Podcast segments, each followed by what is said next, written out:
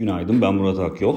Cuma günü kapalı olan ABD piyasaları bugün yeniden açılacak ama tatil Avrupa'da devam ediyor. Dolayısıyla bu da açık olan piyasalarda işlem hacimlerini limitleyen bir unsur olarak çalışabilir. Haftanın geneline bakarsak bir kez daha ABD gündeminin ön planda olduğunu görüyoruz ki e, bu kapsamda ilk çeyrek bilançoları bu hafta Amerika'da gelmeye başlayacak. Önceki çeyreğe baktığımızda e, bilançoların genel hatlarıyla zayıf bir tablo ortaya koyduğunu görmüştük ki yıllık bazda %2.4'lük bir daralma söz konusuydu. Bu daralma zaten e, 2023. çeyreğinden bu yana gördüğümüz ilk daralma olması bakımından da dikkat çekiciydi. E, İlk çeyreğe bakarsak ilk çeyrekte de bu zayıflığın devam ettiği hatta e, artarak devam ettiği tahmin ediliyor ki orada da beklenti yıllık bazda %8 oranında net karda geri çekilme yaşanacağına işaret ediyor. Genel olarak bakıldığında aslında şirketlerin beklentilerden e, daha iyi sonuçlar açıkladığını görüyoruz ki geride bıraktığımız çeyrekte de %69 oranında piyasa beklentisinden e, daha iyi e, sonuçlar görmüştük S&P 500 şirketlerinde net kar tarafında. Fakat bu rakam yüksek gibi görünse de aslında 5 yıllık ortalamaya bakarsak %76'lık bir rakam görüyoruz, ortalama görüyoruz. Dolayısıyla e, geçtiğimiz e, çeyrekteki rakam e, güçlü gibi görünse de aslında ortalamaların da altında kalan bir rakam. E, makroekonomik veri tarafına bakarsak makroekonomik veri tarafında ise bu hafta özellikle tüfe rakamı öne çıkıyor. Amerika'da açıklanacak. E, orada da şu anda yıllık rakam %6 seviyesinde bulunuyor ve bu rakamın %5.2 seviyesine gerilemesi bekleniyor.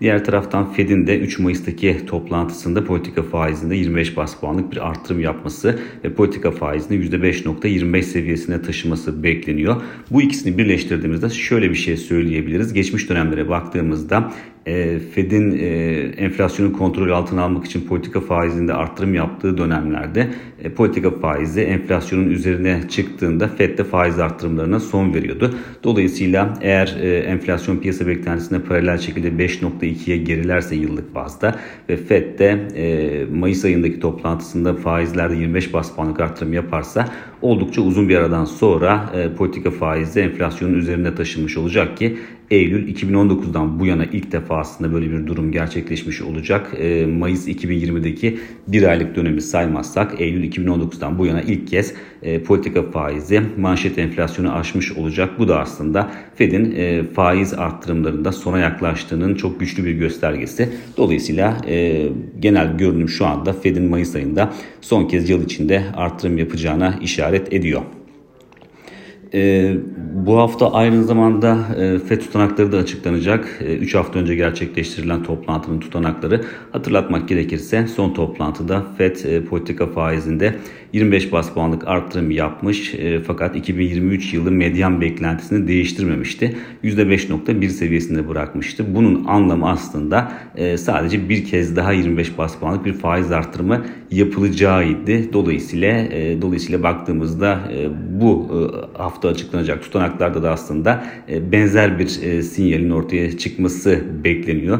25 bas puanlık bir arttırım e, vurgusu ama sonrasında artık piyasaların Fed'in daha çok beklemeye geçeceği, enflasyonu izlemeye geçeceği bir dönem olacağı tahmin ediliyor. Bu nedenle tutanaklarında aslında bu çizilen çerçeve doğrultusunda mesajlar vereceği tahmin ediliyor. Bir sonraki podcast'te görüşmek üzere.